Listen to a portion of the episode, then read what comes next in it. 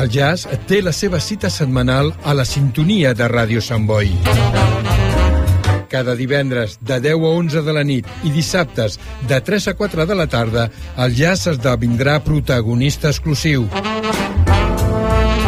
Jazz setmanal, un recorregut apassionant i apassionat pel millor jazz de tots els temps. Presenta i dirigeix en Valentí.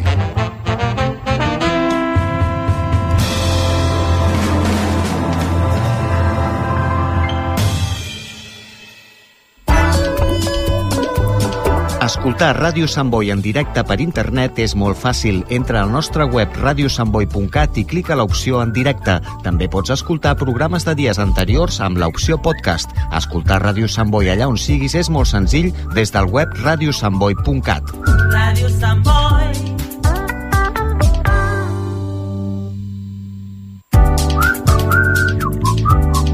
Ràdio Sant Boi. Més de 40 anys amb tu.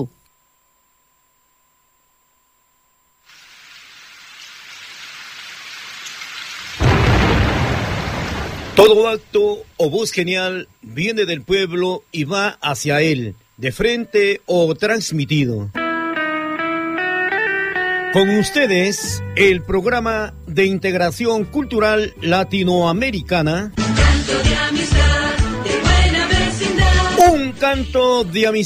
uniendo y hermanando pueblos y costumbres. El cancionero de confraternidad cuya música y letras llevan el mensaje de lo más noble y sagrado de sus emociones. Salutaciones cordiales a Stimaxamix y con el cariño de siempre acompañándole de vuestro comunicador social, promotor cultural, el romántico viajero, Marco Antonio Roldán, un corazón sin fronteras. Vamos todos juntos sobre el camino de la música.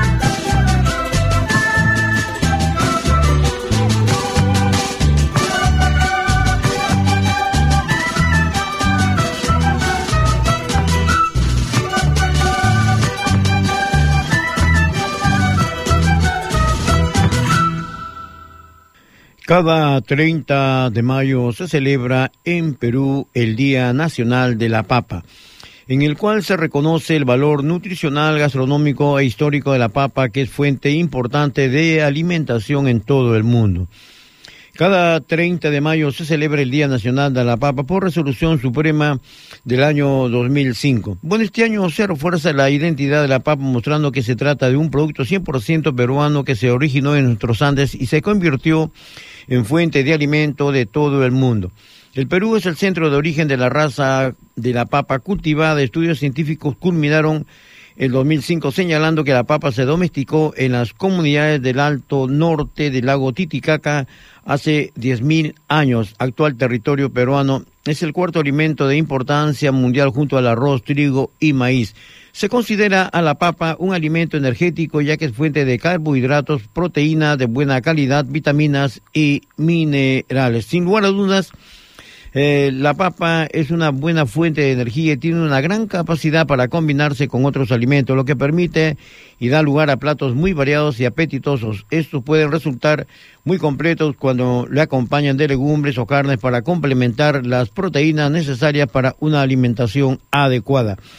En la parte musical nos acompaña esta gran organización que ha paseado por todo el mundo todo el sentimiento peruano latinoamericano la Sinfonía de Quenas de Vivanco. En esta oportunidad escucharemos el Fox Incaico Kuntur Kuntur.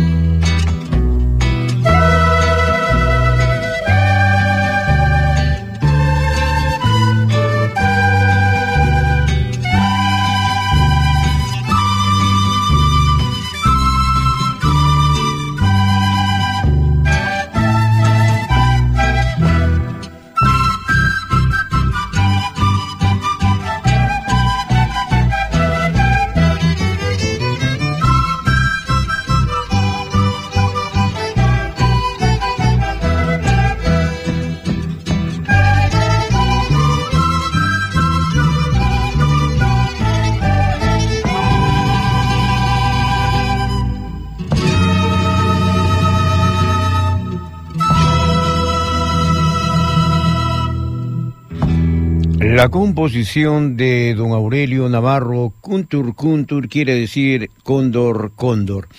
Aquí algunos aspectos relevantes sobre este cultivo milenario, productos bandera del Perú.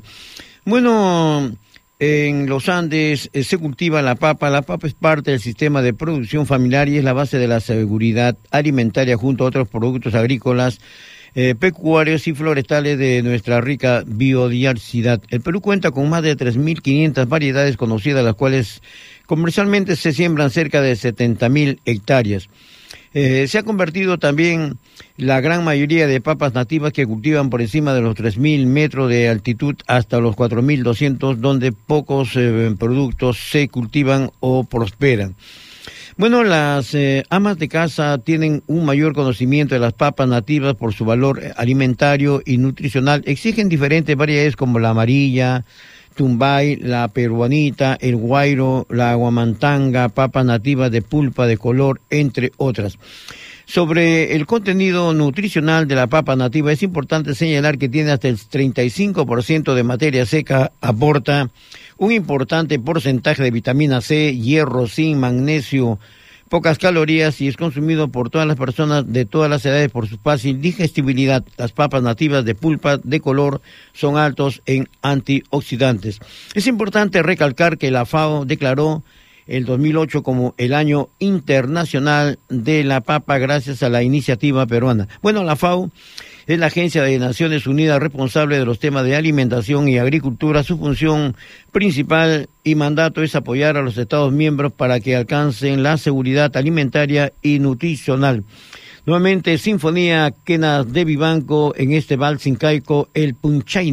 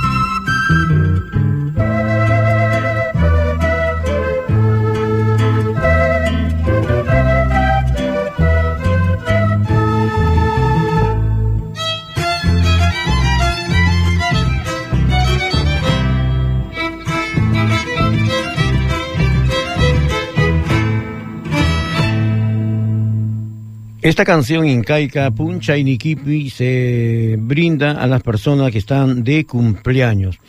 Bueno, en el mundo existen 5.000 variedades, en Perú se encuentran alrededor de 3.500. La papa es uno de los aportes del Perú al mundo. Es hoy día un producto que por su versatilidad se encuentra en la receta de las más variadas cocinas a nivel mundial. Es el cuarto principal producto alimentario en el mundo después del trigo, el arroz y el maíz. Ha sido cultivada hace... Se 8.000 años en América del Sur y era alimento importante de los incas, quienes desarrollaron técnicas avanzadas para almacenarlas. Además, tienen una amplia gama de aplicaciones, tanto industriales como domésticas, se guisa, se sancocha, se asa, se saltea, se fríe, interviene en purés, cremas, suplés, croquetas y tortillas.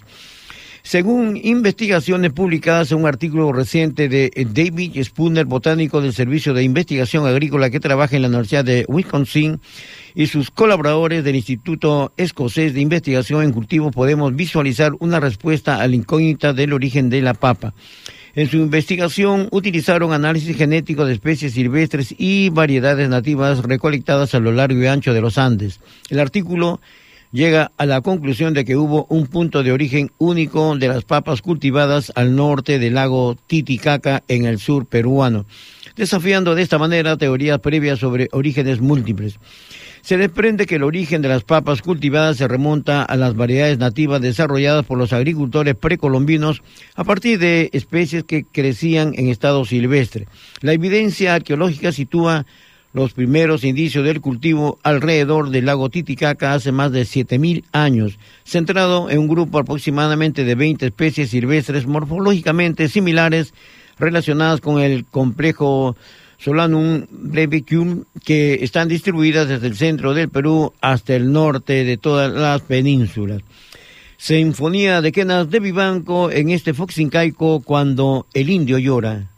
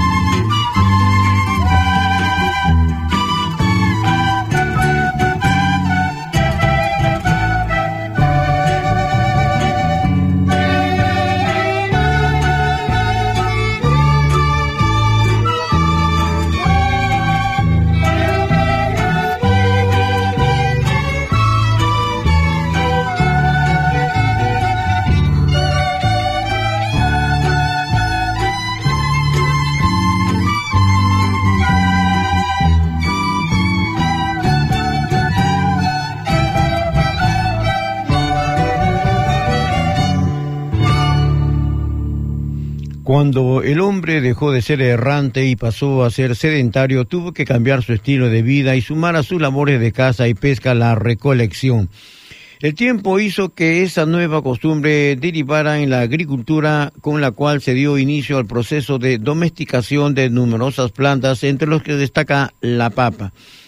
Bueno, eh, haciendo los vestigios de papa poseen más de ocho mil años de antigüedad y fueron encontrados durante unas excavaciones realizadas en la cercanía del pueblo de Chilca, al sur de Lima, en el año 1976. Bueno, eh, desde ese momento y con el correr de los siglos, la historia de la papa ha estado relacionada con el desarrollo de variedades adaptables a diversas condiciones ambientales y con su ingreso en forma exitosa en casi todos los países del planeta.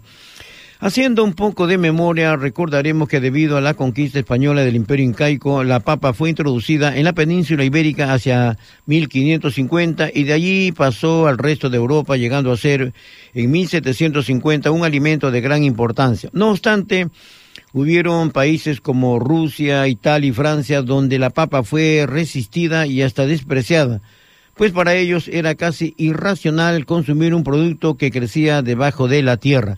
Sin embargo, fue el francés eh, Antoine quien sobrevivió tres años como prisionero de guerra consumiendo pura papa, la persona que sugirió al rey Luis XVI eh, estimular el cultivo de dicho tubérculo con el cual se amplió el cultivo de esa planta en toda Europa, así como en Asia y África. Hoy en día, la papa representa una de las contribuciones más importantes de la región andina y en especial de Perú al mundo entero por ser uno de los cultivos alimenticios más consumidos, apreciados y porque de esta manera colaborando con el fortalecimiento de la seguridad alimentaria de toda la humanidad.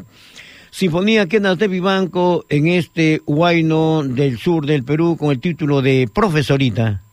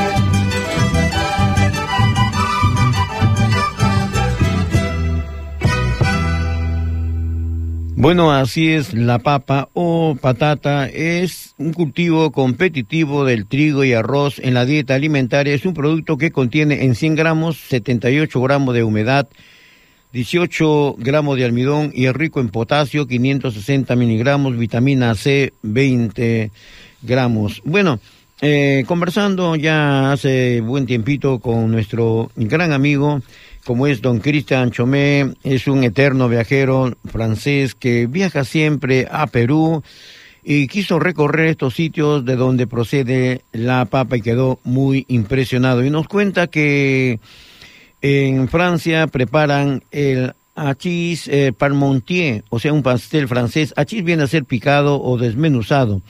Es una especialidad gastronómica francesa. Se trata de un gratinado a base de capas de puré de patatas con carne picada de buey cruda o previamente guisada. Algunas variantes de este plato llevan carne de pollo, en pastel de carne patata, etcétera, etcétera. Como en el Perú también se hace diversos platos parecidos a la cheese el Montier.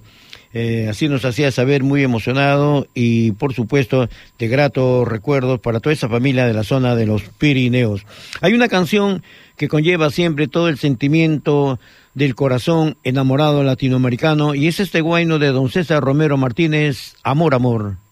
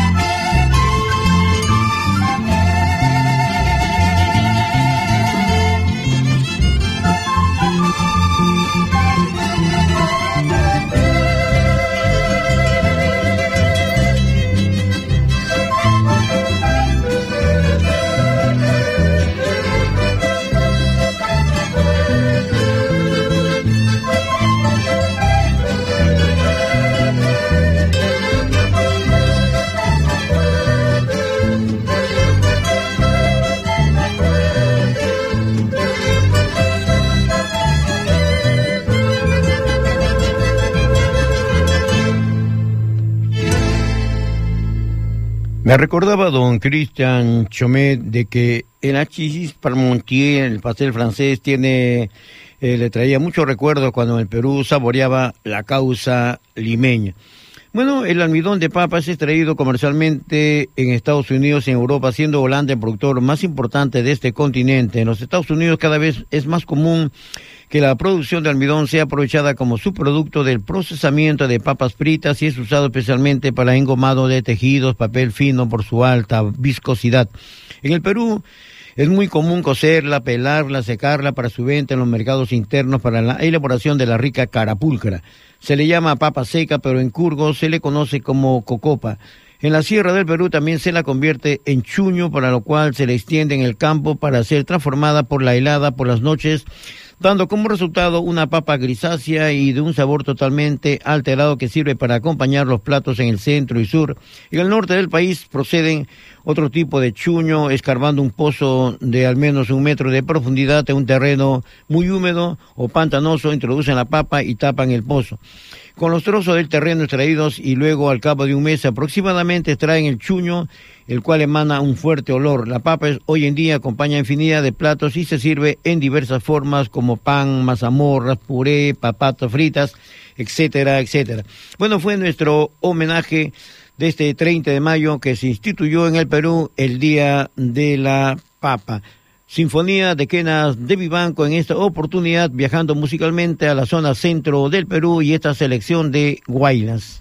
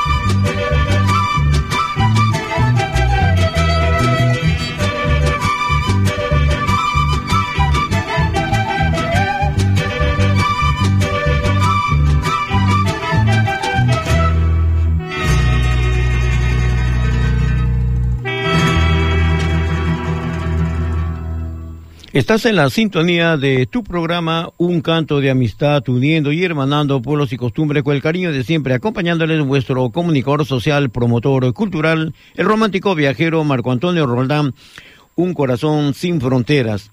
Decía Hipócrates, ni la sociedad, ni el hombre, ni ninguna otra cosa deben sobrepasar para ser buenos los límites establecidos por la naturaleza. Día Mundial del Medio Ambiente, 5 de junio. En diciembre de 1972, la Asamblea General designó el 5 de junio como el Día Mundial del Medio Ambiente para sensibilizar a la opinión pública respecto de la necesidad de preservar y mejorar el medio ambiente. La fecha elegida fue en recuerdo al día en que se inauguró en Estocolmo 1972 la Conferencia de las Naciones Unidas sobre el Medio Ambiente Humano que llevó a la creación del Programa de las Naciones Unidas para el Medio Ambiente. Musicalmente viene el dúo Guaira con el tema Esperanza.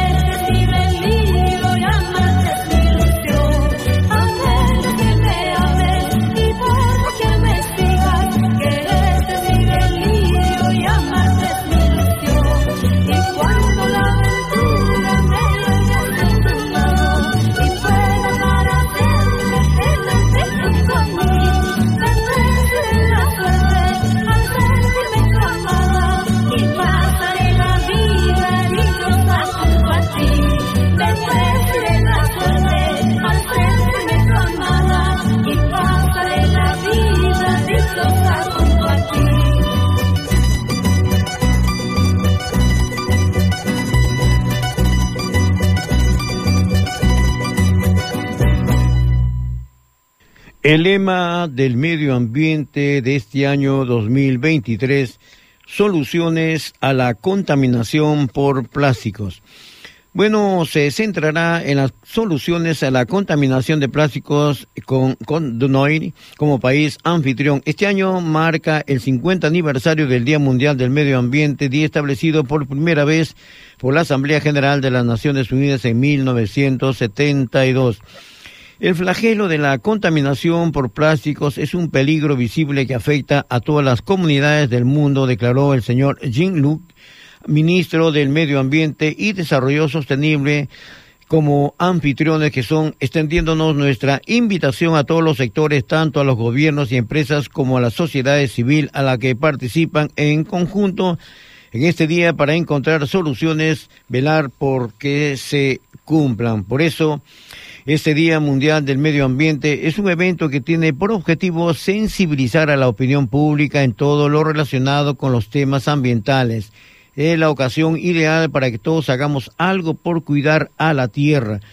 Uno de los principales objetivos consiste en darle un contexto humano motivando a la gente a llegar a un desarrollo sustentable y equitativo. También se pretende promover el papel de las diferentes comunidades para un cambio de actitud frente al medio ambiente.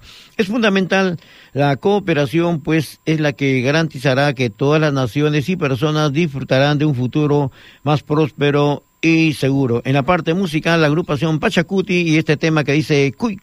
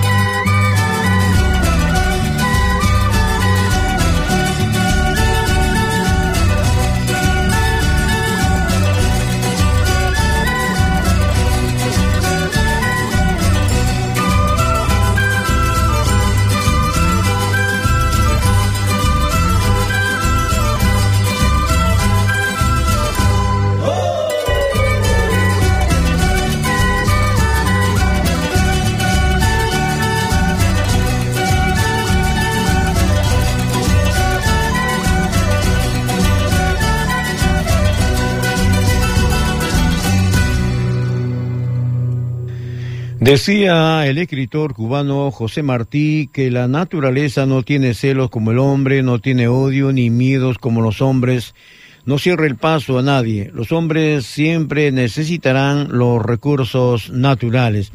El bien común, supremo, universal, condición para todos los demás bienes, es la misma tierra que por ser nuestra gran madre debe ser amada, cuidada, regenerada y venerada como a nuestras madres. El bien común de la tierra y de la humanidad pide que entendamos la tierra como viva y sujeto de dignidad, no puede ser apropiada de forma individual porque nadie ni echa ni mercancía y por supuesto hay que venerarla y cuidarla.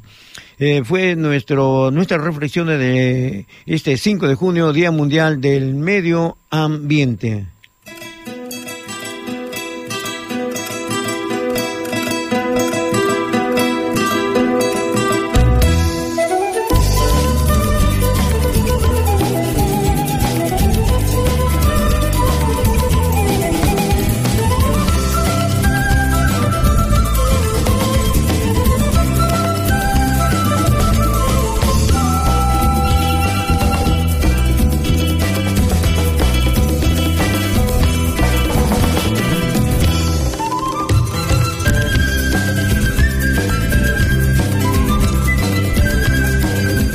De esta manera estamos llegando ya a la parte final de vuestro programa, Un canto de amistad uniendo y hermanando pueblos y costumbres con el cariño siempre estuvo acompañándoles vuestro comunicador social, promotor cultural, el romántico viajero Marco Antonio Roldán, un corazón sin fronteras en el control máster de audio, sonido y grabaciones con calidad y profesionalidad, nuestro buen amigo don Fernando Martínez.